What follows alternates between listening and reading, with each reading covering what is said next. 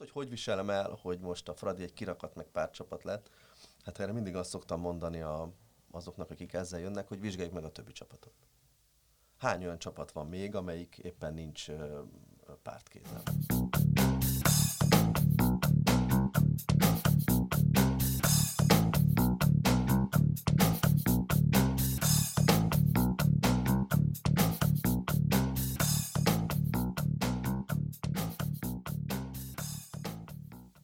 Sziasztok, ez itt az Ittszer a 24.hu focis podcastja, én Kele János vagyok, és ezúttal végre nagyon hosszú idő után személyesen is itt ül velem szemben Kálnokik és Attila, 24.hu főmunkatársa. Szia Jani, köszöntöm a hallgatókat. Na és az a nagy alkalom, amire összejöttünk így, ezúttal négyen egyébként, az a Ferencváros újabb BL bravúrja, vagyis a Dinamo Zágráb kiejtése, és hát most már az egyik csoportkör az biztos, tehát minimum Európa Liga csoportkör ismételten, Zsinórban második szezonban a Ferencvárosnál, de hát ebből akár még nagyon könnyen, majd erről is beszélünk talán, lehet bajnokok ligája csoportkörös szereplés is, ugyanis a norvég bajnok Molde lesz a Ferencváros ellenfele majd a mindent eldöntő playoff körben.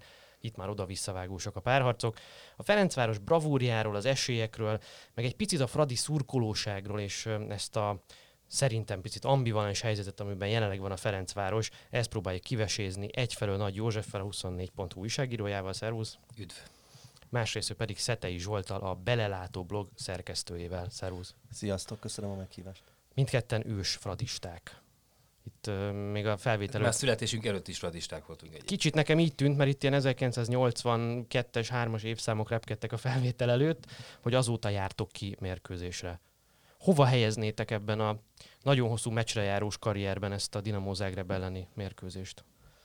Hát ö, ö, nem tudom hova helyezni, bevallom őszintén, mert az ember ugye nem ehhez szokott, hogy kimegyünk a meccsre és, és nyerünk, főleg nemzetközi meccseket, úgyhogy egyelőre még a, a ocsúdás ö, fázisában vagyok, most már több mint egy éve, tehát ez nem egy új ö, keletű dolog, ugye két éve van itt ö, körülbelül Rebrov, és a nemzetközi ö, meccsek egy éve ö, úgy tartanak ébren, hogy egyszerűen nem értem, mi történik, de erről majd úgy is fogunk beszélni, hogy hogy jutottunk el az elmúlt 5-10 év szenvedésétől odáig, hogy a Celtic meg a Dinamo összesen egy vagy két gólt rúgott, de az egyik az öngól volt, a másik meg megpattant a közép hátvédünkön, míg mi berámoltunk nekik négyet. Kérdésedre válaszolom, hogy két korszak, ami nekem ehhez hasonló. Az egyik a 81-es bajnokság, 88-es bajnokságot megnyertem Ferencváros, és magam kiskörökként ott voltam a lelátón a bajnokavaton, és berohantunk, és akkor láttam először belülről nagy pályás, vagy nagy, nagy méretű labdarúgó pályát, és elcsodálkoztam, hogy atya Berohantál. Sem. Berohantam, akkor még be lehetett rohanni, oh. igen. És zsebre vágtam egy marék füvet is, azt egy jó darabig még valami dosszéban őriztem, de azóta már az elporlatt, és visszakerült a természethez. futballligán vagy. A következő az pedig a, a pontosan 25 évvel és néhány nappal ezelőtt a történt történelmi siker, amikor szintén ugye Ferencváros egy egy-egyes döntetlen követően bekerült a, a bajnokok ligája, vagy akkor még BL-nek a, a, a főtáblájára, és ott, ott voltam a, a lelátó, és ott, ott őrjöntünk. És nem, nem nagyon értettük, hogy mi történik, és aztán utána is volt néhány ilyen szép meccs még, a, mondjuk amikor a Keller Józsi tőlem 5 méterre belsernyőzte a Real Madridnak a hátvédjét, azért ezek, ezek, ezek beégnek az embernek a receptoraiba. Valószínűleg Keller Józsi fejébe is beleégett ez mese előtte, se utána nem volt ilyen. De jó na, darabig, na, jó na, darabig, jó darabig nem volt. Káloki kis Attila egy, egy, egy, az Újpestnek volt az elnöke ennyi valamikor. Csíp, ennyi csípkelődést engedjetek meg. Egyébként én is, én is szívből gratulálok a, a Fradinak. Kifejezetten a, a, a végtelenül tudatos csapatjáték okán, és ezt szeretném kiemelni, mert, mert hogyha konkrétan a tegnapi mérkőzést nézzük, akkor azt gondolom, hogy de nézhetjük a tegnap előttit is akár. Bocsánat, tegnap előtti meccset, igen. Hát valóban. Nem a péntek hogy, van. Hogy fut az igen, idő? péntek hajnal van. Uh, hogy talán, talán egy, egy Engog és Kovacsics, Kovacevics kivételével én nem láttam olyan fradistát, aki pariban lett volna a posztján lévő ö, dinamó játékossal, képességben, tudással. Ellenben egyéni, egyéni összevetésben. Láttam, hogy nagy kerek szemekkel néztek. Ellenben, most, most ellenben... a rádió hallgató kedvéért mondom az, hogy Szetének a kezét most szedtem le. Kálok egy kis torkáról, ezért tud még beszélni. Elle, ezért ellenben, még életben. Ellenben ez a, ez a Rebrovi uh, fegyelmezett, a régi orosz iskolára, a teljes csapategységre, az együtt támadunk, együtt védekezünk játékra való oktatás, ez, ez fényes sikert aratott. Azt gondolom, hogy minden mutatójában, talán egyedül a labdabirtoklásban nem lényegében végül összességében felülmúltuk leginkább a két góllal, ugye az egy ellenében, és ez a lényeg. Több eszem szemét használja, ez a, ez a lila vérű hát csávó. át, át, át váltottam, ugye azonnal. Ne, ne, ne hagyd, hogy meg, megalázza a csapatunkat ilyen egyéni összehasonlításokban. Abban mindenképpen igaza van, hogy, hogy a, a Dinamo kerete, ahogy a Celtiké is sokkal erősebb volt, mint a Fradi de, és azt is nagyon jól látja, el kell ismernünk, hogy csapatban győztük le őket, nem egyénileg, de, de nem hiszem, hogy csak két játékosnál volt a, a mérleg nyelve a mi oldalunkon. Ott, ott éreztem egyértelmű fölényt, vagy... Hát vagy... Én, én érdekes, ezzel én is elgondolkoztam, hogy melyik az egyetlen pozíció, amelyikben a Fradi játékos kezdhetne, hogyha összehasonlítanánk. Én Csivicset hoztam le ebből a Na, ez saját, igaz. Saját, ő is nagyon jól játszott. A többi talán nem, mert akit, én... akit mintha a Dinamo elől szerzett volna annak idején a Fradi Igen, tehát meg rajta látszódott most, ha ez az elégtétel. Ugye tavaly kiestünk, úgyhogy őt le akarta igazolni a Dinamo is. Most viszont láthatóan neki ez nagyon fontos presztízs meccs lett, hogy most mi mentünk tovább, pedig ugye őt is le akarták igazolni. Uzsunyiról volt még hasonló hír, hogy le akarták, hát ő azért nem hiszem, hogy beférne még, lehet, hogy a kispadra se a Dinamóhoz. Ezeket az apró tételeket tényleg el kell ismernünk, hogy a játékos keretben és játékosok szimpla értékét tekintve sokkal erősebb volt mind a két olyan csapat, amelyiket az Európa Ligára küldtünk. 80 millió euró versus 23 millió euró. Há, igen, mondjuk, hogy én a, én, a, én a játékos értéket azért ezt egy nagyon szubjektív dolognak tartom. Én azt gondolom, hogy ez a transfermárk például inkább a piacokat értékelik be, és ilyen szempontból a horvát piacnak a játékos pozícionálása az ég és föld a magyarhoz képest. Tehát mondjuk, hogyha, hogyha azt mondjuk, hogy a Kovacevic ugye beférne mondjuk a, a Dinamóba, akkor hasonlítsátok össze a most 18 éves Dinamó belsővédő fiatalembernek a piaci értéket a Kovacevicével. Nem hiszem, hogy egy, egy pillanatnyilag jobb játékosról beszélünk, kétség kívül nagyon tehetséges, de az egyikért most talán épp a Leeds, ha jól emlékszem, ő ígért valami gigantikus összeget, a másik meg a Fradiban kötött ki viszonylag szerényebb összegér, és örült neki, hogy el tudott jönni Boszniából. Hát de látod, még a Lovrencsit simán lefutotta is bepöckölte a drága fiatal nagy tehetséggel, ami koros, szenior játékosunk a, a bal alsóba. Azért volt nagyon jó ez a mérkőzés szerintem, és főleg ugye azzal a tudattal együtt, hogy nagyjából egy évvel ezelőtt találkozott ez a két csapat hasonló ugye pályaválasztás mellett volt egy hazai meccse is a Fradinak, és hogy nagyon jól le lehetett mérni az alatt a változásokat. Akár a Dinamónál is, amik nekik, nekik egy Dani Olmo mit jelentett, vagy mennyire hiányzik, vagy mennyire tudja akár még ez a híres neves utánpótlás műhely is pótolni a legnagyobb sztárját, vagy a legnagyobb klasszisát, aki persze azóta BL elődöntőt játszott egyébként Dani Olmo, és nem lefelé lógott ki és hogy a Fradi miben tudott ahhoz képest előre lépni, mert azért voltak bőven változások, akár a kezdő csapatban is, vagy akár a formációt tekintve, és most én egyébként ebből például a Szomáliának a beépítését emelném ki. Egészen máshogy nézett ki a, a Fradi középpályás játéka ezzel a három belső középpályással, vagy két nyolcassal és egy, és egy hatossal. És hogy a számok nyelvén akarnám ezt megvilágítani, akkor itt van a, a tavalyi mérkőzés, ami ugye 0-4 volt, és, és gyakorlatilag az úgynevezett XG modell is visszaadta ennek az értékét, mert valami 0,98 XG-nyi helyzete volt a Fradinak, és 2,78-at engedett a Dinamónak. Ez azért elég komoly különbség ezen a szinten két csapat között. Idén ez ugyanígy úgy alakult, hogy 1,09 a Fradinak, tehát valamennyivel több, és csak 1,21 a Dinamo Zágrebnek. Ugye ránézés olyan volt az a meccs, hogy kim voltunk, hogy az elején még mindenki bizakodott, és aztán pedig olyan nyilvánvaló volt a két csapat közötti óriási különbség, hogy ez elszállt a, a, a remény az emberekből. A szurkolás persze ment, mert az mindig megy a Fradi pályán, csak hogy egyszer csak tét nélkül várt a mérkőzés, mert annyira nulla esélyünk volt a Zágráb ellen. Igen, meg azért ezeket a számokat én úgy kezelném, bár én óriási uh, rajongója vagyok Kele doktornak, a számisztikájának, hogy uh, ebben most kivételesen nem volt semmi uh, epe, hogy azt a meccset... Az epei zöld, csak mondom. igen, igen, hogy azt csak addig érdemes nézni ezeket a számokat, ami az 50. percig körülbelül, akkor eldőlt a meccs.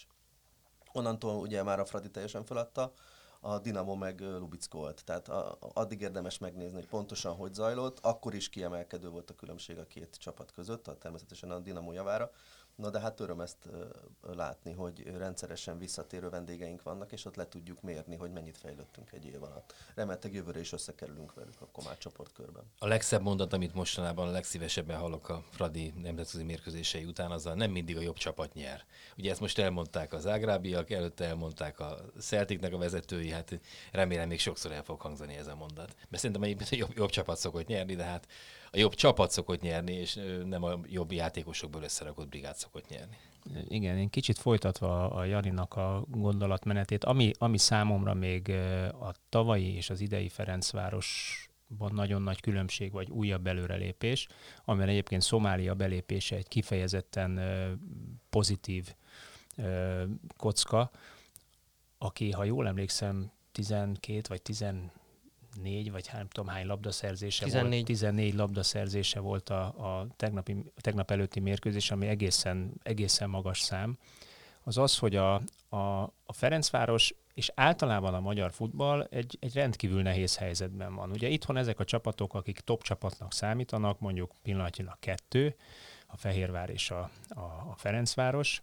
Eh, Szet- vagy szet- tek, tekintsünk, Sze- Szettei tekintsünk első kettő, léttagjait ismét kálnak itt orkán, tekintsünk hát kettő csapatra, aki, aki sokat egyébként ez, ez a fiatal ember. aki, aki egyébként financiálisan játékos kerete minőségében fölfelelő ki a magyar bajnokságból, itthon dominálniuk kellene.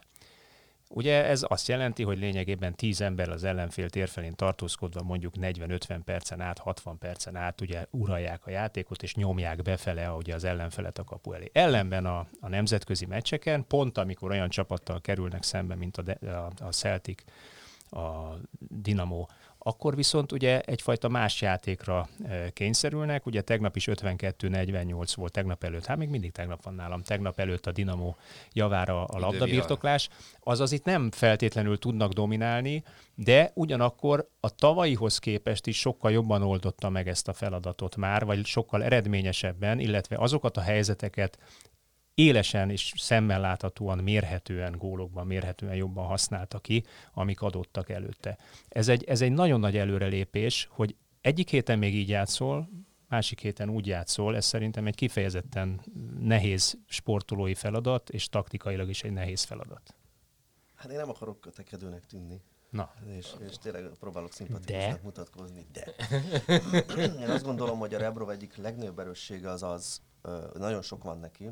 Az egyik az az, hogy, és Dolt sem akarom szidni, mert nagyon szerettem Dolt, csak ugye neki lefőtt a kávé, mert ugye kiderült, hogy nemzetközi szinten semmit nem tud alkotni, hogy Rebrov olyan focit oktat le a Fradinak, ami nem elsősorban a hazai meccsekre fókuszál. A hazai meccseket azt megnyerjük, de ha megnézzük, akkor a, a Rebrov alatt a nemzetközileg jobb meccseket játszunk, mint itthon. Hiszen az a foci, amit ő leoktat, az alapvetően nemzetközi szintre jó. A, a magyarban, ugye a Józsi ott ül a C-szektorban, ezért rá mindig haragszom, amikor a, a C-szektor, a, amikor el, elkezdődött a Rebrov éra, és a, a magyar szinten nem azt a ősi Fradi stílust játszottuk, hogy tök mindegy mi az eredmény, mi folyamatosan új gólt akarunk rúgni, hanem labdabirtoklásra és biztonságos támadásépítre, alap, a, építésre alapozva próbáltuk a, a, a támadásokat szőni, úgy, úgy egyszerűen nem értették a nézők, hogy miért kell hátraadni a labdát, és miért kell, miért kell bevonni akár a kapust is a játékban, hogy a, a nyomás alól kiszabaduljunk, és újra elkezdjünk építeni. És amikor megnyertük a meccset,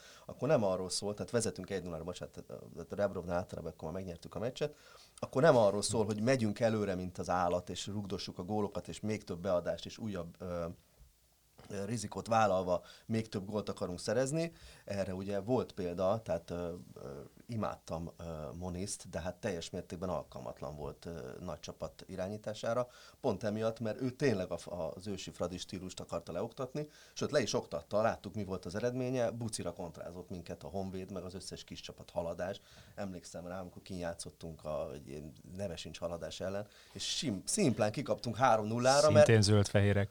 az mindegy, az a szín engem nem érdekel. Hogy Most is kék mezben vagyok. Ugye Rebrov mezben. Rebrov Várjál, Dinamo mezben Dinamo van. mezben azért ezt. Itt, megjegyeztem itt volna. villog egy ilyen milliós Miközben Jóska egy zöld, zöld fölsőben volt. Tehát arra visszatérve, és gyorsan lezárom mondanomat, hogy ne van mensó legyen belőle, hogy a Rebrov nem ö, a magyar bajnokságot akarta ö, ö, pozícionálni a, a Fradiban, hanem azt akarta, hogy amikor kijutunk nemzetközi szintre, akkor olyan focit tudjunk játszani, ami, ami versenyképes, olyan, mint a Kalasnyikov. Hát, ugye, hát, hogy, ha kimegy a Megvan a nagy cím. orosz hidegbe, megfagy a Kalasnyikov, akkor működik jól, mert nincsenek meghúzva csavarok. Re- Rebro meg úgy állította be a Fradit, hogy nemzetközi szinten ez jó legyen. Hát ugye az első olyan meccs, ami Rebroval nemzetközi szinten volt, az olyan volt, hogy nem hittük el, hogy ezek mi vagyunk, amikor oda-vissza megvertük a Ludogorecet. Ugye ez volt az első igazából meccs, addig a magyar bajnokságban játszottunk, a magyar bajnokság miről szól, húzzuk az időt, faltolunk, a bírók lefújnak mindent, nincs testesteleni küzdelem, mindenhol ápolást kérünk, hát ugye ebben nem lehet ö, játszani. Az európai trend az most az, hogy nyílt foci lesz, és, és úgy nyílt foci, hogy őszinte, tehát nem az, hogy mindenki támadó focit játszik, hanem hogy nincs már reklamálás, mert nincs felesleges időhúzás, hiszen És a nincs VAR, felesleges szabálytalanság sem. Pont a varra akarok kiukadni, hiszen a varnak a sok hatását még nem érezzük, de az mindenképpen látszódik, hogy le fogja tisztítani a focit, hiszen az alattomos, időhúzó szabálytalanságoknak nincs nagyon értelme, mert látják, meg tudják nézni. Tehát nincs olyan, hogy a bíró nem lát mindent. A bíró igenis látni fog most már mindent. Egyébként ezzel nem mondtál enned nekem. Tehát azzal, De hogy a, a, akartam. de nem, nem feltétlenül, tehát azzal, hogy Magyarországon beseggelnek a Fradi ellen, azzal pont azt érik, hogy viszonylag gyorsan és könnyedén építik föl hátulról az akcióikat. Külföldön, vagy nemzetközi szinten azért nem áll ez meg, hiszen ott ugye hasonlóan nemzetközi szintre fölkészített játékosok vannak, és hasonlóan ugye letámadnak, és ugye jóval nehezebb, de, de egyébként tökéletesen egyetértek veled, hogy ezzel a türelmes, hátulról építkező pozíciós játékkal, hogyha úgy tetszik, építkező Ferencváros, hazai és nemzetközi szinten is képes megállni a helyét pillanatnyilag, úgy néz ki, és hát én nagyon bízom benne, hogy a Molde ellen is így lesz ez.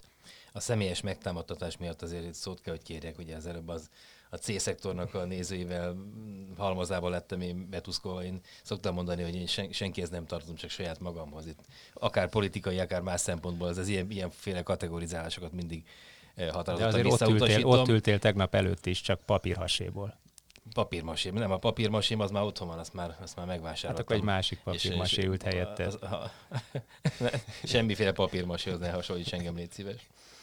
Szóval csak oda akartam kiukadni, hogy én a Rebrovnak, amióta itt van, két év, két-három hónap, két hónapja talán, azóta folyamatosan belülről vastapsolok, tehát hogy nekem ez tetszik, hogyha a csapat taktikusan játszik, nekem az is tetszik, hogy hátra megy a labda, és tetszik, hogyha a Dibusz Dénes az európai trendeknek megfelelően mezőnyjátékosként is meg tudja mutatni magát. Ettől persze még a C-szektornak a szurkolási kultúrája az egészen más, és nem feltétlenül rosszabb, mint mondjuk a B-középnek a szurkolási kultúrája.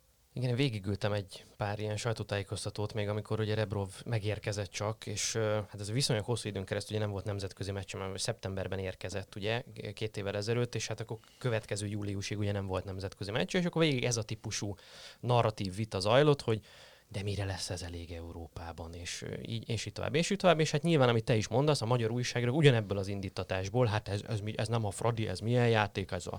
És ráadásul itt a Doll érával szemben is volt egy különbség, mert a Do- Doll is azért itthon mm, hogy mondjam, dominánsabban lépett fel, vagy próbált olykor-olykor fellépni, ami sok újságírónak szerintem jobban tetszett, és emlékszem egy ilyen esetre, amikor föltették neki, gondolom sokat szor már ezt a kérdést, hogy, hogy de hát, de hát hogy, hogy ez megint nem volt túl meggyőző játék. Azt hiszem, hogy MTK meccs volt talán, és, és, és emlékszem arra az őszinte kiakadásra, kifakadásra, hogy őt most már hagyják ezzel békén. Ő arra készül, hogy jövő júliusban megnyeri azt azokat a meccseket, amivel főtábel kell a Fradi, őt ezért hozták ide, ő ezeken a meccseken is arra készül. Hát ez nagy különbség, hogy Dole ezt mondta, Rebrov meg ezt csinálja. Igen, igen, igen. Ma mondani egy dolog. Na mindegy, ez egy érdekes. Arra az jutott eszembe, amit Attila mondott, hogy, hogy nyilván van ez az ellentmondás, és amikor a Fehérváron nagyon látszott, akár mondjuk a Paulo Souza idejében, vagy akár a Nikolic idejében, és hogy kifejezetten küzd ezzel a kettőséggel. Nagyon jól áll neki a kis csapat, meg a kontrázó csapat szerepe a, mondjuk nemzetközi meccseken, aztán itthon meg, meg izé csúsznak, másznak, mert nem tudnak egy, egy paks Szerintem a. Fehérvár most is jobban fog kinézni a franciák ellen, mint tegnap előtt, vagyis tegnap. Ez most tényleg tegnap Nem volt. nehéz A egyébként. máltaiak ellen. Nem nehéz jobban kinézni annál, de a Fradi Renz ezen... valószínűleg magasabb játékot képvisel, tehát ahhoz fognak alkalmazkodni, és ezért inkább kontrázni fognak. Na mondja Zsolt. Nem, nem, nem akarok más csapattal foglalkozni, ezt megfogadtam előre. Tehát, hogy ö, ö, ö, Tévések, így hívja őket a Zsolt a, a, a belelátó blogban. Csak Hát így emlegeti őket. még, amikor én még gyerek voltam és meccseltem, akkor még az volt a nevük, hát azóta lett tíz új nevük. Igen, van egy ismerős, aki parmalatnak hívja őket. Az Igen. is volt a nevük, ugye? Tehát, hogy Nem lehet ezt követni. Igen. Tehát, hogy rengeteg minden volt a nevük, ö, legyen sikerük, és é- jussanak sokáig. Arra akartam bocsi kiukadni, hogy a Fradi ezt egyébként azzal, ezt a Gordiuszi csomót azzal is vágta át, és nem elvéve Rebrov érdemeit, tehát azért itt szintekkel jobb játékosok vannak a csapatban, mint Doll érájában. Drágábbak, jobban fizetettek, és jobb játékosok is Na, vannak. ó, megint, megint úgy Tehát- tűnik, hogy vitatkozni Tehát fogok. egy, te, a Fradi a nemzetközi, Ezért vagyunk itt, a nemzetközi átigazolási piacon a Fradi magasabb szintre lépett. Tehát nem, nem, nem Igen, Hát költségvetésben szintre is, lépett, mert azért de- ugye de- 10 tehát az, hogy- milliárd forintnál tartunk az öthöz a, a képest. dolléra alatt egy olyan csapatot, ami kvázi ütőképes lenne ezzel. Én azt gondolom, hogy két dolog nagyon megváltozott. Az egyik az az, hogy ö, ténylegesen most egyszerre vannak itt ezek a játékosok, mint Dolnak 5 év alatt elég nagy volt a fluktuációja, ami nem tudom, hogy mennyire volt a Dol hibája, vagy nem. A másik, hogy ami Dolnál viszont nulla volt, és ezt nem tudom kinek a hibája, nyilván az övé is volt, meg a vezetősége is, hiszen akkor még nem volt Hajnal Tomi ebben a pozícióban, hanem a pályán, az, hogy ö, egyetlen egy olyan igazolása volt szerintem Rebrovnak, ami nem pozícióra történt, és nem vált be.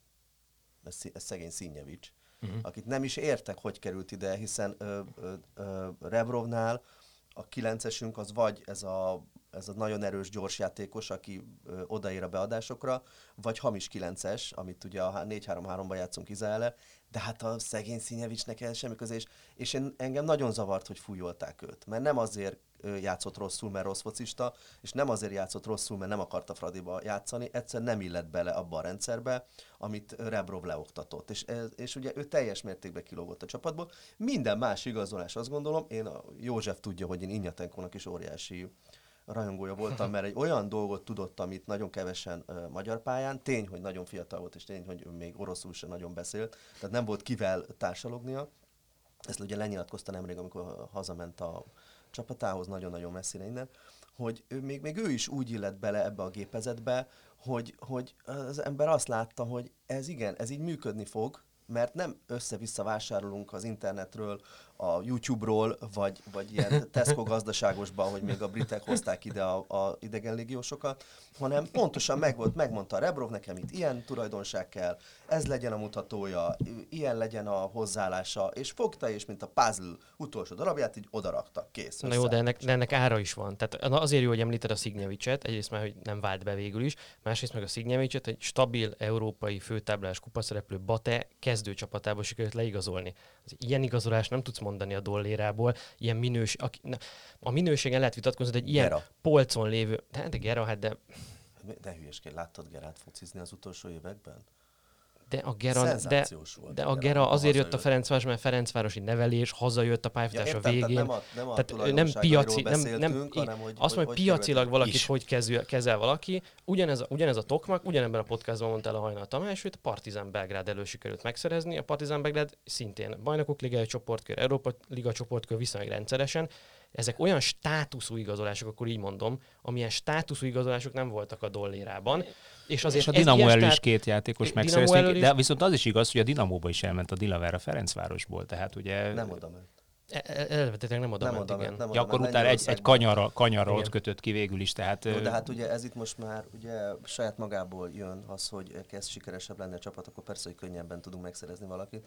Míg a dolféle tikitaka, amikor folyamatosan labdabirtoklásra épülünk, és amikor rohangálnak ellenünk, akkor nem tudunk mit kezdeni, az nem hiszem, hogy vonzó lehet bármelyik olyan játékosnak, aki akar is valamit Európában. Plusz visszatérve Tokmakra, szerintem ő egyáltalán nem az a kvalitás, mint Színyevics, hiszen a Tokmak egyrészt nem volt kiemelkedő Norvégiában, csak ugye a hajnal figyelt föl a, a statisztikáira, illetve legalábbis ahogy én ezt tudom, ugye ezek nem tények. Az viszont tény, hogyha emlékeztek a hajnal a, a Tokmak első két meccsére, akkor hogyha az ülői úton játsza az összeset, akkor az nem lesz többet kezdő, mert ott kifütyülik 10 perc után. Hát mezőkövesden átbe és nem értettük, hogy mit keres itt ez a gyerek. Nem tudta levenni a labdát, nem tudta, hogy mi a feladata.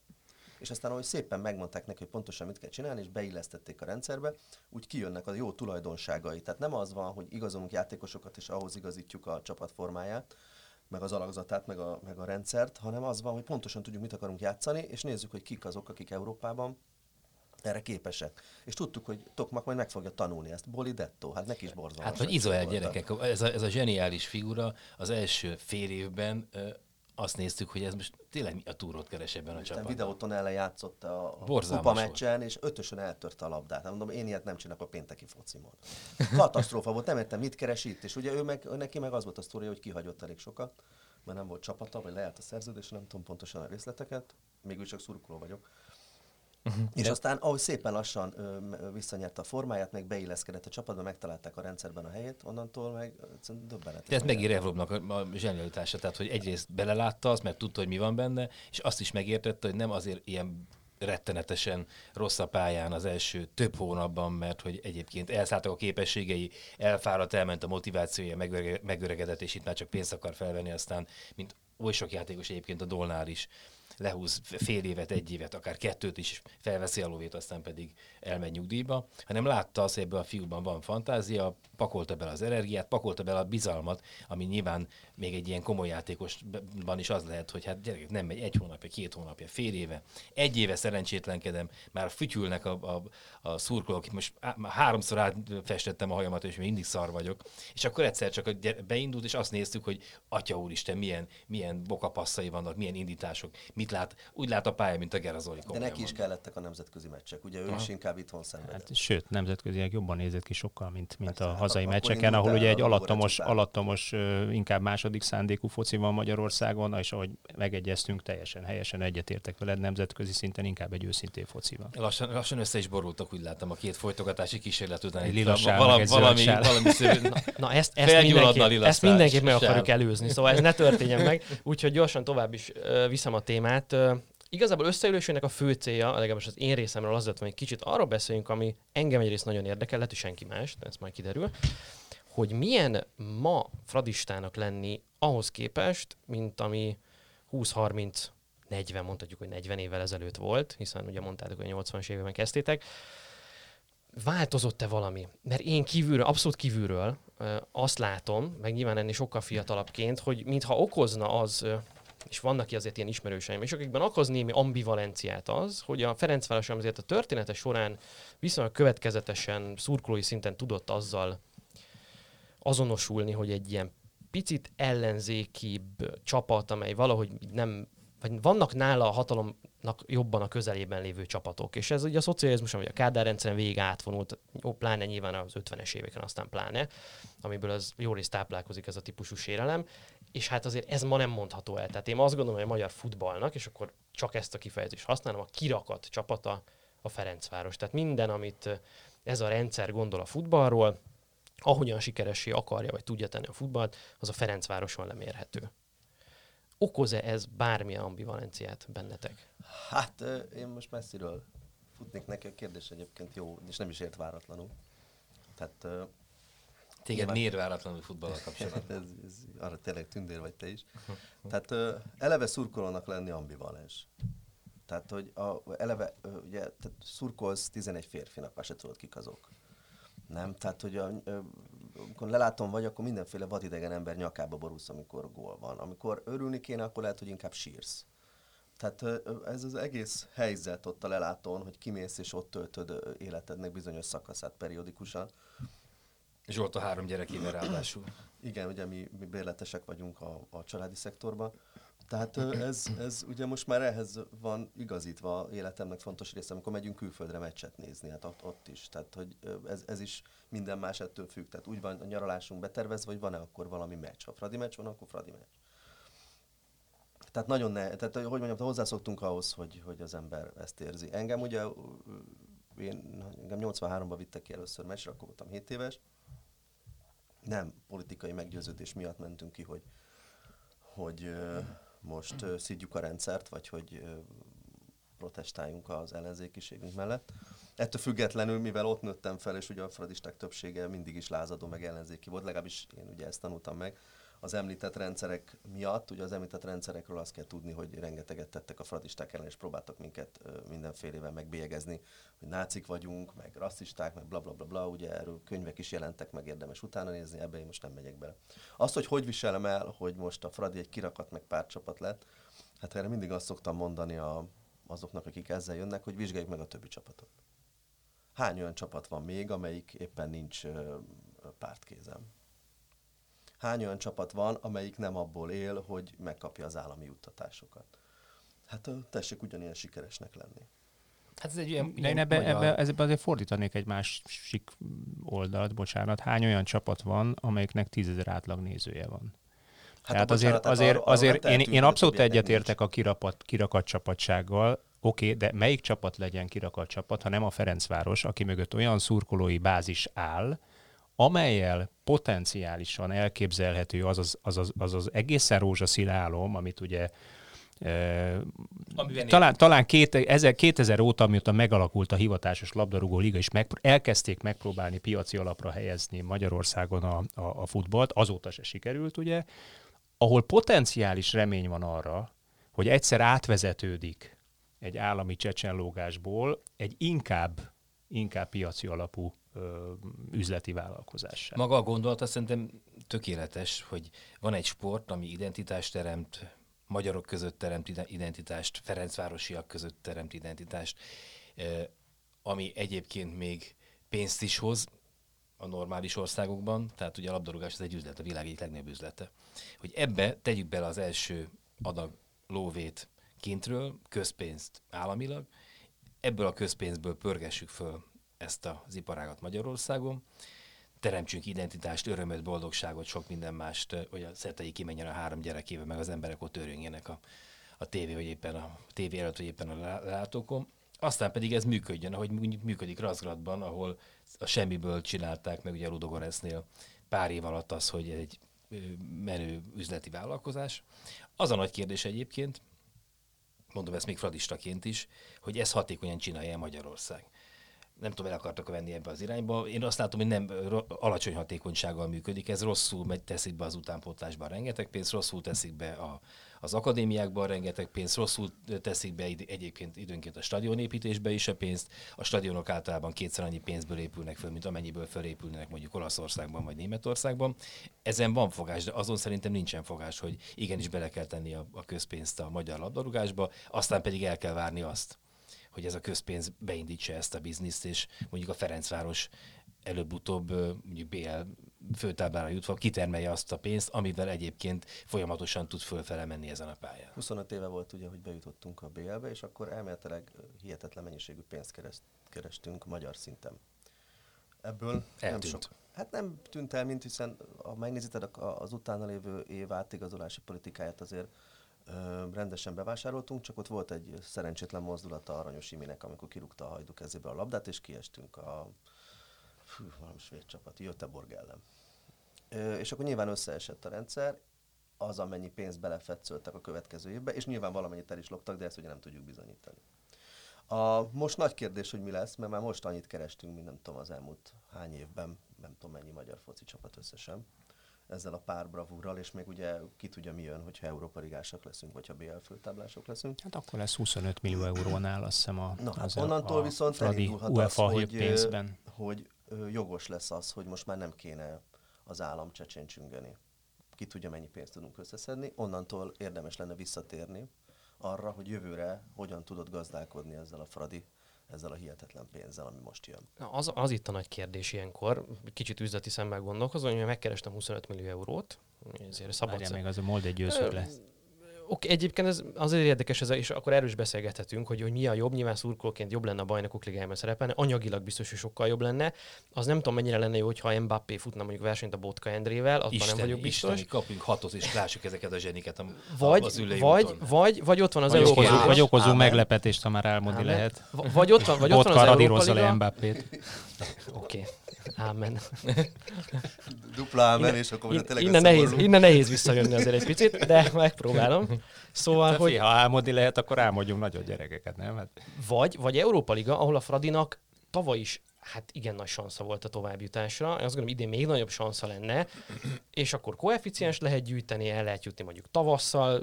A Debrecen 2003 óta ugye első magyar csapatként ugye valaki megérhetni a tavaszt egy nemzetközi kupában. Szóval, szóval ez is egy érdekes kérdés, hogy itt melyik lenne a jobb hosszú távon, de szerintem az egy még érdekesebb kérdés, hogy megvan ez a bizonyos összeg keresve, szépen magyarul megmondva, és akkor azt mi befektetem? Abba fektetem bele, hogy esetleg veszek még jobb játékosokat, amivel biztos, hogy jövőre is bizt, vagy majdnem biztos, hogy valami csoportkör meg lesz, vagy esetleg még nagyobb esélyem lesz a, a BR-re, nem kell már ekkora bravúrt bemutatni, mint idén, vagy azt mondom, hogy amit most megkerestem, azt befektetem az utánpótlásba. Hogy végre ne az legyen, hogy három magyar játékosunk van ilyen fordított Bosman szabályként a, a Fradi kezdő csapatában, és hát ők is, mit tudom, nem fölfelé dolgnak. Szerintem a magyar utánpótlásban éppen elég pénz van. Én nem fektetnék Pontosan. bele oda egy fillért sem. Itt, itt annyiban, elkölteni. annyiban árnyalnám a, a Jóska mondandóját, hogy, hogy megfelelő mennyiségű pénz van, de nem jól költik el. Ezt mondtam. Csak akkor nem szűnt Igen. meg az állami csecsenlógás, de akkor ebből a De, de szempontból az utánpótlás csó- sport az egy más történet, mint Mhm. a professzionális sport nálam. Tehát az utánpótlás sportra azt mondom, hogy, hogy azért bizonyos értelemben az állami és önkormányzati feladat, hogy a gyerekek sportoljanak. Megint más kérdés, hogyha átmegy professzionálisba, hogyan térül meg ugye ez az állami pénz. Ugye van arra példa nemzetközi szinten, hogy mondjuk Franciaországban központi akadémiák vannak, ugye francia szövetségi akadémia van, oda elviszik a gyereket, az első profi szerződéséből visszakapja a pénzt, államilag támogat, tehát a szövetség állami pénzből támogatja ugye ezt, meg egyébként van piaci pénzük is, de alapvetően állami pénzből támogatják ezt. Első profi szerződéséből visszakapják a pénzt, és már is nullszaldón van ugye az állami pénz a piaci pénzzel. Tehát kiütötték egymást. Tehát egy, egy, egy körforgás működik nálunk, ez, ez valahogy nem így megy, és való igaz, hogy az utánpótlás képzésünk azért hagy némi kívánivalót maga után. Enyhe fejlődést azért én látok, mert járok ifjúsági, meg, meg MB3-as meccsre, ahol sok fiatalt lehet látni. De összességében... meg NB1-re is jársz. Összességében, én, ha, ha, már, ha már álmodunk, és, Nem lehet annyi fiatalt és, és, látni. és előre De költünk nem el, vallja be. és előre költünk be Van pénzt. neki egy NB1-es labdarúgó fia. Én, én, én van. azzal, azzal is óvatos lennék, hogy, hogy mekkorát álmodok, és mekkora összeget, és hogyan igazolok. Én sokkal inkább értek egyet Zsoltal, hogy az a fajta tudatos és lassú építkezés, ami Rebrovnál látszik, hogy pozícióra igazolok. Ha mondjuk, ha mondjuk ezt a, ezt a tökmag gyereket elviszik a decemberben, mert, mert egyébként olyat kínálnak érte, hogy el kell adni. Hogy el kell adni Most jó lenne egy kamera. akkor, akkor, akkor lehet egy másik, jön. akkor Ne lehet egy másik vigyék. tök mag minőséget igazolni, de én óvatos lennék ezzel, mert azért a magyar koeficienssel odaérni egy BL playoffba bármelyik évben, bármilyen csapattal, piszok nehéz, mert Celticek és Dinamók jönnek veled szembe, vagy még erősebb csapatok adott esetben. És itt azért, ha nagyon nagyot költesz hirtelen, nagyon nagyot tudsz esni, hiszen ők is azért vannak ott, hogy legyőzzenek, és ezért nehéz ez, és ezért látni azt, hogy kilenc éve indult ugye ez a Kubatov Gábor nevével fémjelzett Fradi éra, ugye új Fradi vezetés és a Fradi rendbetétele, és kilenc év alatt értek el odáig, hogy találtak egy olyan egyzőt, és találtak olyan játékosokat, ahol pillanatnyilag együtt állnak a csillagok. De ez a csillag együttállás nagyon gyorsan tud széthullani. Ha még magasabb szintre megyünk, nézzünk meg egy PSG-t, nézzünk meg egy Manchester City-t, mióta ölnik bele a milliárdokat, és ami nekünk egyébként a BL csoportkör, az nekik valószínűleg a BL győzelem, ugye az, az őrült álom kergetése, nem megy nekik. Tehát nekik sem megy. Itt egy kicsit nagy volt a lépték szerintem. Igen. Én azt, a, amúgy is fel akartam itt tenni azt a kérdést, hogy én se tűnjek a, csak válaszolónak, meg kötekedőnek, hanem legyek egy kicsit konstruktív. Hogy mi a következő lépés szerintetek? Tehát mit lehet elérni? Mit tud még elérni? Én szerintem stabilizálni a nemzetközi szintet, a csoportkört. Vagy Úgy itt, vagy ott. hogy én gyorsan megválaszolom, és aztán ti is valamit, de nem, Hogy én ne nem vagyok- ne tűnjél kötekedőnek. Minek kérdezel? de Ez az, mert magamnak akartam. Híres szetei féle konstruktivitás. Igen, ezt más is mondtam. Tehát én azt gondolom, hogy a, a mi ö, modellünk most nem a Paris Saint-Germain, persze jó lenne, ha az lenne, de nem az. Nem, nem, nem, ezt csak példaként mondtam, Igen. hogy nagyon nehéz. Tehát, Tehát én ez, azt gondolom, hogy szeretném, ha eljutnánk arra a szintre, ahol most a Salzburg van, a Lipcse van, a Slavia Praha, ahol, ahol egy nagyon jó, teljesen más stílusú, tehát ott rengeteg saját nevelés, meg valahol óriási a, a scout hálózat is, ahol ezeket a fiatalokat jól össze tudjuk szedni, és úgy tudunk ütőképes csapatot csinálni, hogy néha meg tudjuk uh, cibálni a Liverpool bajszát is például, vagy a Barcelonáét, ugye, ami megtörtént. Én azt szeretném, hogyha ebbe az irányba tudnánk elindulni. Nem tudom, hogy meddig tudjuk itt tartani a Rebrovot, tehát én nem értem, miért nincs még szobra, miért nem, ö, miért nem csináltunk neki mindent, amit kér, miért nem neveztük át a stadiont.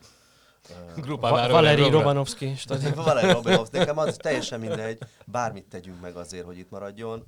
Én ugye szurkoló vagyok és maximálisan elfogult, és ugye na, rengeteg, nem tudom, legalább 30 fradi edző volt, amióta én járok meccsre. Hát azért ennyire, ennyire felkészült és ennyire európai szelleműre nem emlékszem rá. Igaz, nem mindenkinek volt meg erre a kerete, meg a lehetősége, de hát akkor is azt gondolom, hogy, hogy az az űrfoci, amit játszunk a korábbi 10-20-30 évvel ezelőtti Fradihoz képest, ez, ez, ez annyira követendő, hogy ez, ez, ezért mindent meg kell tenni, hogy maradjon. Úgy tudom, hogy nem is akar elmenni. felesége nagyon szeret itt lenni, és ez meghatározó. Igen, igen, igen, igen, igen. Én is beszéltem, a, egyszer összefutottam a Rebróval valami meccsre haza. Szülinapon gondolom. Ne, ő kiugrott a tortából. De, nem, nem, ez, de nem lenne rossz. Kinek, mi, ki, kinek mi az álma kiugorjon ki a tortájából? De Szetei álma én- rebro Bevallom, ugrik ki. nem azért jöttünk, hogy őszintén beszéljünk. Na szóval, A azért dobosból. visszatérve a, a, a központi témára, hogy mit gondoltok, meddig tud eljutni a Fradi még Rebrovval? Hát ugye a, a kérdésre a válasz szerintem ott kezdődik, hogy meddig tekintsünk előre valahogy, meddig tud itt maradni Magyarországon. Tételezzük föl, hogy egy, Ne, egy, ne, tétel, egy öt éves, egy öt éves, Wenger- egy Wenger- klasszikusan egy, egy öt éves tervet. Ferguson ö, léptékkel nézzük. Én egy öt éves terve megelégednék, egy klasszikus...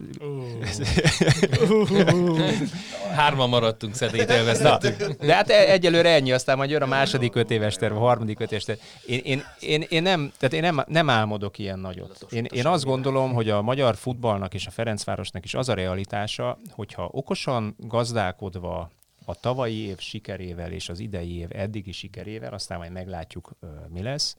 Ugye a, egy csoportkör már biztos, tehát ugye szögezzük le, hogy, hogy decemberig idén is nemzetközi szinten játszik a Fradi, vagy itt, vagy ott. Tehát úgy gazdálkodjon ezzel a sikerrel és ezzel a nemzetközi tapasztalat és az ebből bejövő forrással, bármennyi is legyen az a végén, hogy következő évben és az azt következő évben is potenciális esélye legyen megismételni ezt a produkciót. És én azért tartom ezt fontosnak, mert én azt látom, hogy, hogy a Salzburgnak is például a BL áttörése az hat évet kellett várni. Azt hiszem, körülbelül ugyanott kezdték egyébként. 2012-ben vette meg a Matis is, hogyha jól emlékszem, a, a, a Salzburgot.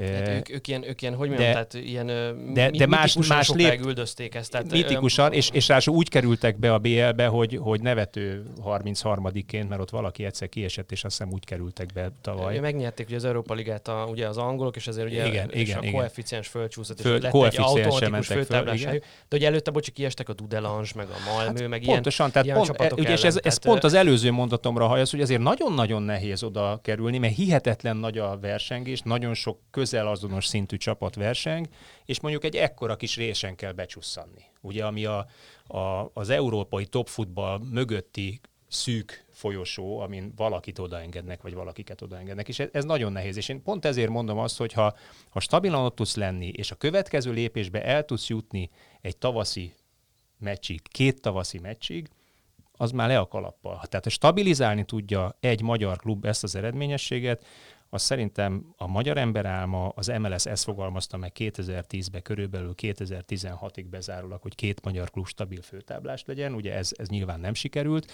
de valahol csúszásban ez lehet az a Ferencváros, aki azt az MLS álmot, ami a 2010-es stratégiában megfogalmaztak, beteljesíti mondjuk 5 évvel később, de akkor is beteljesíti. Tegyük mellé még azt, hogy ilyen Rebról mellett meg kéne tartani Hajnal Tamás, és erről itt beszélgettünk a, a mikrofon bekapcsolás előtt. Azért egy jól működő épp, nélkül épp, nem olyan fontos ember, de előtte Zsolt tudna hosszabban beszélni, mert ő a nagy Hajnal Tamás, egyébként én is, de hát ő meg ö, lexikonként őrzi fejében Tamásnak minden egyes mozdulatát. Én, leszek akkor az ördög ügyvédje. Tehát amiket itt említettetek példákat, a Szlávia nagyon jó példa, hogy a cseh futball ugye magában nagyon jó példa. Azért nem csak a Szlávia volt elfőtáblás, tehát a, a Sparta, a Viktoria Plzeň, meg a Jablonec, meg hát öt különböző olyan csapatuk volt. koeficiensük vannak, hogy automatikus főtáblájuk Igen, van. volt, most, most Most, éppen most nincs. éppen nincs, tavaly volt. Ugyanez az osztrák, tehát nagyon jó példa, ugye, egy, hogy, hogy ilyen hátsó kapun csúszott be az ázba, de hát azért csúszott be, mert a 12 voltak a koeficiens listán, amihez kellett a Rapid Winnek a, a jó szereplése, a tavaly a Wolfsbergennek a jó szereplése, és így tovább, és így tovább. Tehát több osztrák csapat folyamatosan jól szerepel a nemzetközi kupákban, tehát nem egy valaki oda jut a főtáblára, megtapsoljuk, hanem, hanem hogy az Salzburg Európa Liga elődöntőt játszott az előző szezonban, ugye Napolit kiejtve többek között, tehát ilyen eredmények vannak, és nem csak ők. Ugyanez a belga futball, egyre több klub, egyre több jobb eredményeket ér el mondjuk a második számú európai kupában, és én azt látom, hogy ezek az országok azért tudták ezt megcsinálni, mert hogy hátországa lett a futballnak. Belgiumban, Ausztriában ez nagyon egyértelmű, egyre több a jó minőségű fiatal hazai játékos, akit aztán le tud fölözni egy Salzburg, egy Slavia, akik erre stratégiát tudnak építeni, hogy a legjobb cseh, osztrák játékosok, jó, a Salzburg nem pont így van, mert ők ugye globálisan gondolkodnak, de pont ezért el tudnak menni a legjobb osztrákok a Rapidba, az Ausztriába, a, a Linzbe, a Wolfsbergerbe, stb. És, és úgy koncentrálódik az erőforrás, de van erőforrás, van hátország. Most ezért gondolom azt, hogy, hogy ezek tök jó dolgok, de ha nagyon cinikus akarok lenni, akkor azt mondja, aki nem Fradi szurkoló itt a Magyarországon, annak most, hát jó, fej, nagyon jó fejtött a Fradi, de hogy na most nekem se jobb, se rosszabb nem lesz ettől. Én azt érezném egy jó közcélnek ebben a rendszerben, ha már közpénzt fordítunk rá, hogy akkor tényleg mondjuk legyen egy magyar futball hátország, amit lefölözve akár mondjuk a piaci alapokon is kiemelhető, legerősebb hátországa bíró csapat a Fradi lefölözve eljut a nemzetközi kupákba. És tök jó lenne azt látni, hogy ott van egy BL főtábla, olyan Ferencváros, amely 8 magyar játékos focizik, 8 olyan magyar játékos, aki egy ilyen futballreform által került kiválasztásra, képzésre, és így tovább, és így tovább. Én ezt egy nagyon jó célnak gondolnám, csak, és, nem, és magammal is vitázom, hogy ezt csak nem sikerül megvalósítani ezt a célt, vagy nem is ez a cél. És nem tudom, melyik a jó válasz. Hát a cél ugye kimondva ez, de, de én MLS háttérbeszélgetésekre hivatkozva nyugodtan tudom azt mondani, hogy az pontosan látja a magyar labdarúgás legfelsőbb döntéshozói szervbe és az ott dolgozó szakemberek, hogy ez a legnehezebb. Tehát a, az alsó szinten a szürke állományt változtatni és megemelni, ezt a színvonalat, azt a tudásszintet, ahol pillanatnyilag átlagosan van a magyar labdarúgás utánpótlás szakember gárdája, az nagyon nehéz. Ezért aztán De nem ugye ez, egy, ez, egy, ez egy még lassabb folyamat. Ahogy nem, a... hagyja maga, nem hagyják magukat, mert ugye több olyan kísérlet fejlődnek. Volt, hogy hozunk, hozunk egy német szakembert, most nem mondjuk neveket, akár a Fradihoz, akár máshova, ő tök profi, fizessük meg bármennyit kér, írjon alá öt évet, és akkor ő majd alakítsa át az egészet. Ilyenek vannak, nekem, és el, elporladnak. Nekem és, erről és más nem, az nem, elképzelésem. Nem, nem szerintem, a... szerintem tévút az, ahol, ahol 28 hét 32 akadémiát finanszíroz az állam, és, és nem ellenőrzi, és az MLS-en keresztül, és az MLS nem ellenőrzi, mert nem tudja ellenőrizni ennek az elköltését. Én sokkal inkább hiszek a francia modellben, és még inkább, hogy pláne egy ekkor ország, mint Franciaországban ebben hisznek, ugye ott, ott már azért az akadémiai rendszert kiiktatták rég, központi akadémia van, és a központi akadémia fölözi le azokat a piaci alapon elérhető tehetségeket gyűjti össze, ahol egyébként egy központosított tudásbázissal fejlesztik ezeket a gyerekeket. Ez Magyarországra még inkább igaz, a magyar sport az világ életébe központosítottan működött minden téren. Akkor működött igazán a futballunk is klubszinten, nemzetközi szinten, amikor központosított csapatok voltak. Központosított Dózsa, központosított Honvéd, és oda ment az összes válogatott. Amikor a Honvéd volt jó, válogatott volt. Amikor a Újpest volt jó 70-es években, szinte az egész válogatott ott volt. De mondhatnám ezt a Fradira is a 90-es években, amikor kifejezetten jó volt, hiszen a 90-es évek bár a rendszerváltás után volt, de egyébként ugye azért a mondjuk a, a magyar sportfinanszírozás az körülbelül 98-ban változott meg életében először, mert egész addig a szocialista rendszer szerint működött. Hát ez két külön dolog, az, hogy sikeres legyen a csapattal, és az utánpótlást azt neveld. Ugye Rebrov megmondta, hogy őt nem érdekli, hogy mi, neki olyan kell, hogy jó játszon a csapatban. Minőség, nem érdekli magyar, vagy ukrán, vagy milyen. Hajnal ugyanezt elmondta, hogy nézegetik a csapatokat, de hát ő nem, nem, nem tud csak magyart nézni, mert ugye arról elmondták többször, hogy többet kérnek értük, sokkal nagyobb az igényük, és ugye, tehát, hogy egyszerűbb hozni egy külföldit, akit könnyebb építeni a csapatba. Utánpótlásra próbálunk mindig ö, valamit fektetni, hiszen vettünk fiatalokat, hát a csapat közelében nincsenek próbálunk fölhozni játékosokat, azok, azokat se lehet nagyon beépíteni a csapatba. Nincsenek azon a szinten. Tavaly főleg, volt, főleg taktikailag egyébként. Hát sehogy nincsenek, fizikailag sincs. Amikor elkezdenek emelt szinten edzeni, érdemes megnézni a magyarokat, amikor kikerülnek külföldre, fél éven belül mindegyik úgy megsérül, hogy ki egy, évet. És ez olyan, olyan sztorit is ismerek, akiknek előre megmondták az orvos vizsgálaton, hogy figyelj, megveszünk, meg fog sérülni egy fél éven belül, igen, elszapad igen, annyira gyors mert... és annyira intenzív a kinti edzés, vagy egyszerűen hazazavarják, mert nem érti az edzést, mint szegény Dombi Tibi. Tehát, uh-huh. uh, és ugye az a gond, hogy egy évvel ezelőtt volt egy, ez nem ez a gond, csak hogy egy évvel ezelőtt volt egy szakmai beszélgetés a Fradiban, amit bérletest meghívtak, és akkor tudtam beszélgetni egy kicsit a Pruknerrel, aki azóta már nincs a Fradiban, hogy miért nincs, tehát miért ilyen szar a Fradi utánpótlás. Ugye, ha belegondoltok, hogy kik az utolsó Fradanévelések, akik, elér, akik elértek valamit, akkor mondjatok egy-egy nevet ugye itt mindig lehet vitatkozni ki a Fradi nevelés. Most, igen, hogyha, aki, ha, ha nagy, Hrut, Hrutkát, Hrutkát azt Nagy Ádámot szokták igen. Nagy Ádámot szokták Jó, Nagy Ádám 19 évesen került. Igen, akkor nem? Került, nem? Akkor viszont egy Jepes a jó válasz, aki utoljára bekerült Jepes, a Fradi utánpótlásból a kezdőbe. Huszti. Huszti, valóban. Lisztes. Igen. Ez, ezek az a Fradi nevelések. És hajnal. Tehát körülbelül ezek azok, akik... Ezóta nincs, nincsen mostani fiatal, tehát ha megnézed most a válogatottat, akkor nem tudunk nagyon olyanokat adni, aki a Fradiból jött ki, már pedig ez szégyen. És kérdeztem, hogy ez hogy lehet. Azt mondta, hogy ö, persze nem akarok ilyen, mert ez ugye magánbeszélgetés volt, nem nyílt. Azt mondta, a legnagyobb probléma az az, hogy ö, ne, nem tudnak megvenni játékosokat, ö, fiatalon, vagy nem tudják itt tartani őket, mert jönnek a szülők 12-13 éves gyerekeknél, és azt kérik, hogy aláíráspénz, szerződtessék le őket, és akkor innentől fizetést kapjanak. Ha nem, akkor elviszik egy másikba. Tehát a- onnantól van gond a magyar utánpótlással. Egyrészt az, hogy ugye én voltam benne, mert én, én játszottam a BVSC-ben, meg a KSI-ben is.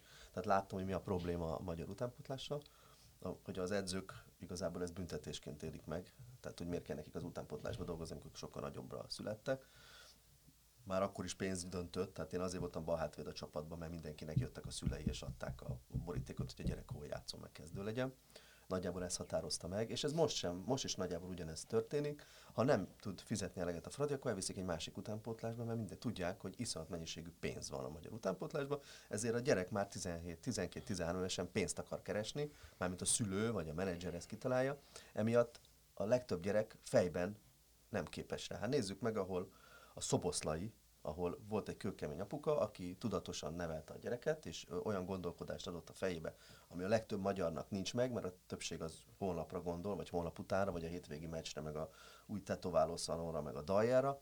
Az, az a gyerek ugyanúgy néz ki, mint az összes többi, ő is szét van tetoválva, meg külsőre meg se állapítod, hogy fejben teljesen rendben van, és akkor sokkal könnyebb hosszan jó teljesítményt nyújtani. Na fejben nincsenek magyarok, és nem látom, én is voltam kint pár meccsen, utánpótláson is, meg nézem a Fradi meccseket, amikor edzőmeccseink vannak felkészülés alatt, és hogy kiket hoz fel a Rebrov az utánpótlásból, nincs olyan, aki, aki le akarná tépni a meszt a, nagyobbakról, mert egyszerűen nem hiszi el magáról, hogy erre ő képes. Mert tényleg most annyira bivaj erős a Fradi, hogy nagyon, nagy- még egy közepes Fradiba is nagyon nehéz bekerülni Fradi nevelésként, hát most aztán meg szinte lehetetlen. Ezért lett az, hogy újra lett ö, utánpótlás csapatunk, ugye ez Rebrov nem is értette, hogy miért nincs, ugye ez az most került vissza, hát ha ott valami fog történni. De hát már a Soroksárba is volt fradisták játszanak, ebbe is csak izé, fradi utánpótlások játszanak, és nem látom, hogy, hogy lenne valaki. És ugye a, a, az egész rendszerre azt mondják, hogy ilyen 5-10 év, mire az utánpótlásban egy új gondolkodást elkezd végre valami hatást gyakorolni, tehát hogy ez egy nagyon lassú folyamat, ami Magyarországon De van már új gondolkodás? Meg ki hozza ezt az új gondolkodást? Mindenki azt mondja, hogy új gondolkodás, amikor olyan, volt itt lisztes is, ha csak magyarokat említsünk utánpótlásba, Bruckner, hát senkinek nem adtunk 5-10 évet. Igazából valószínűleg nem is akartak annyi ideig. De úgy általában a magyar labdarúgásban ki az, aki behozná ezt az új gondolkodást? Fogalmam sincs róla. Meg ki tudná keresztülverni ezen a rendszeren. Ez olyan, mint az, az orvosbárok rendszer egyébként az egészségügyben, hogy mindenki tudja, hogy nagyon-nagyon rossz dolog a paraszolvenciával fenntartani az egészségügyet, és, és ketté szakítja a társadalmat, és hogyha nincs pénzed, akkor megdög lesz, hogyha van pénzed, akkor meg, akkor meg mindenféle szolgáltatás meg, meg az úgy, hogy nem az államkasszába teszed be, a TB kasszába teszed be a pénzt, hanem beteszed az orvos zsebébe. Mindenki tudja azt, ezer tanulmány született, mi is kiposztoltuk, megírtuk, hogy az orvosbárok rendszerét fel kell számolni, és sokkal gazdaságosabban lehetne annyi pénzből, amennyi benne van a magyar egészségügyben működtetni a magyar egészségügyet, de nem, mert akik benne vannak, akik éppen a szereplői ennek, azok ezt nem hagyják, hiszen nekik megy be a zsebükbe a pénz. És amikor az egyik kipörög a rendszerből, akkor átadja valaki másnak. Tehát maga a rendszer az, az meg sem mozdul, és ezt látom a magyar labdarúgásban is, hogy lehet ilyen kis szigeteket képezni, mint a Ferencváros ahol jön egy Kubatov, eh, akinek most választok a politikai munkájáról a, a Ferencvárosban végzett egyébként egészen elképesztő munkáját, és ott megteremti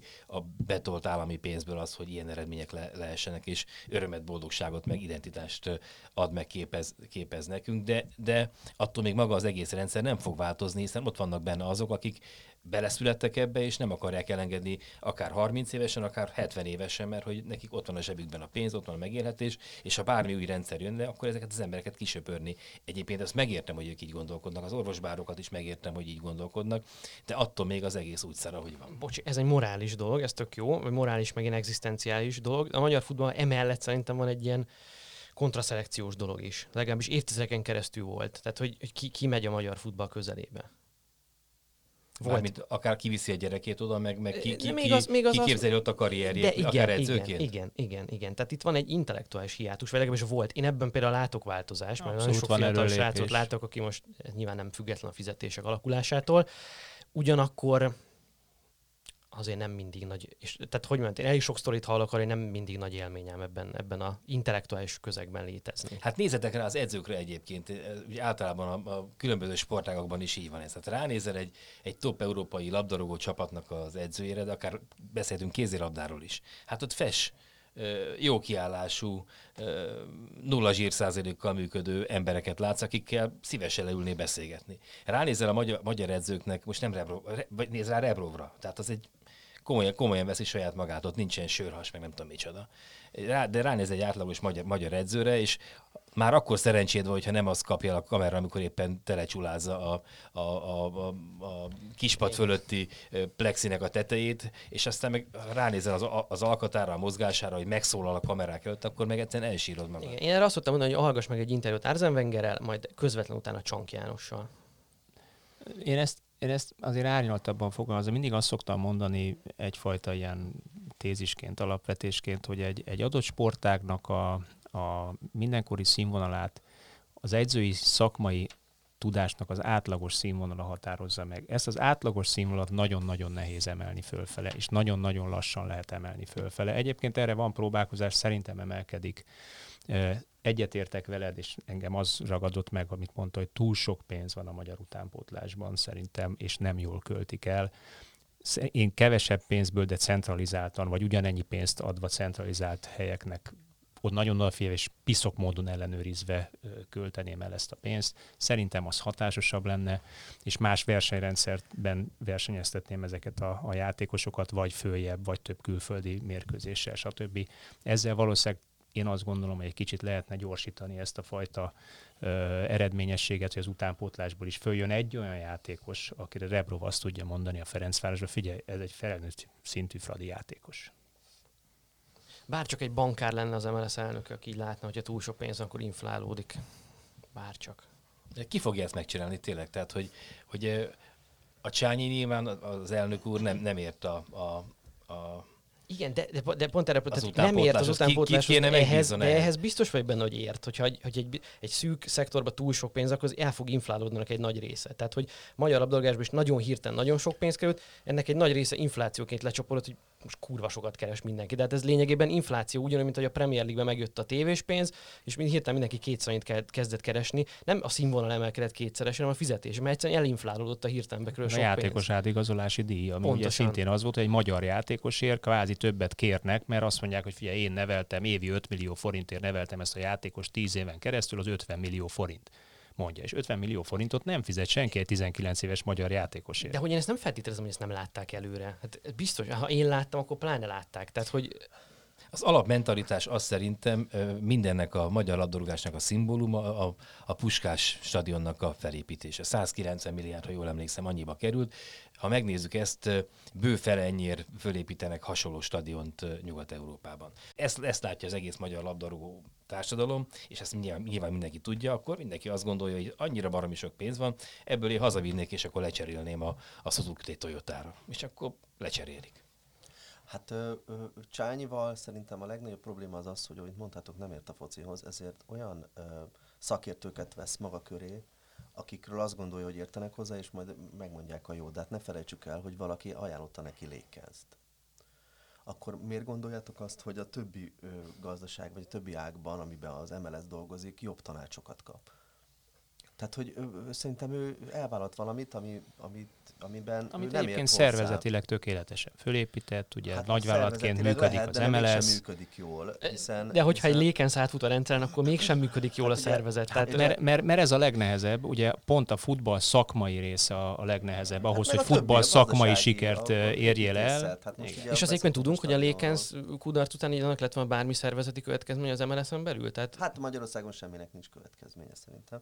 De tanuljunk szerintem a, a Fradiból, és most nem azért mondom, hogy Fradista vagyok, nekünk is volt détárink a kispadon, ne felejtsük el, és tanult belőle a Kubatov, anélkül, hogy én most a Kubatovot isteníteném, vagy nem. Egyszerűen fölépített egy olyan modellt, amit érdemes lenne átvenni most már másnak is, és most ugye érdemes gondolkozni az, az MLS-nek is ezen a modellen, mert nyilvánvalóan teljesen más, hogy működik egy válogatott, meg egy egész utánpótlás központosítása de hogyha egy rebrót, meg egy hajnat be lehetett építeni a rendszerben, akkor nyilván a következő fázisa vagy lépése az lesz hát, a Vagy meg lehetett találni. Megtaláltuk őket is.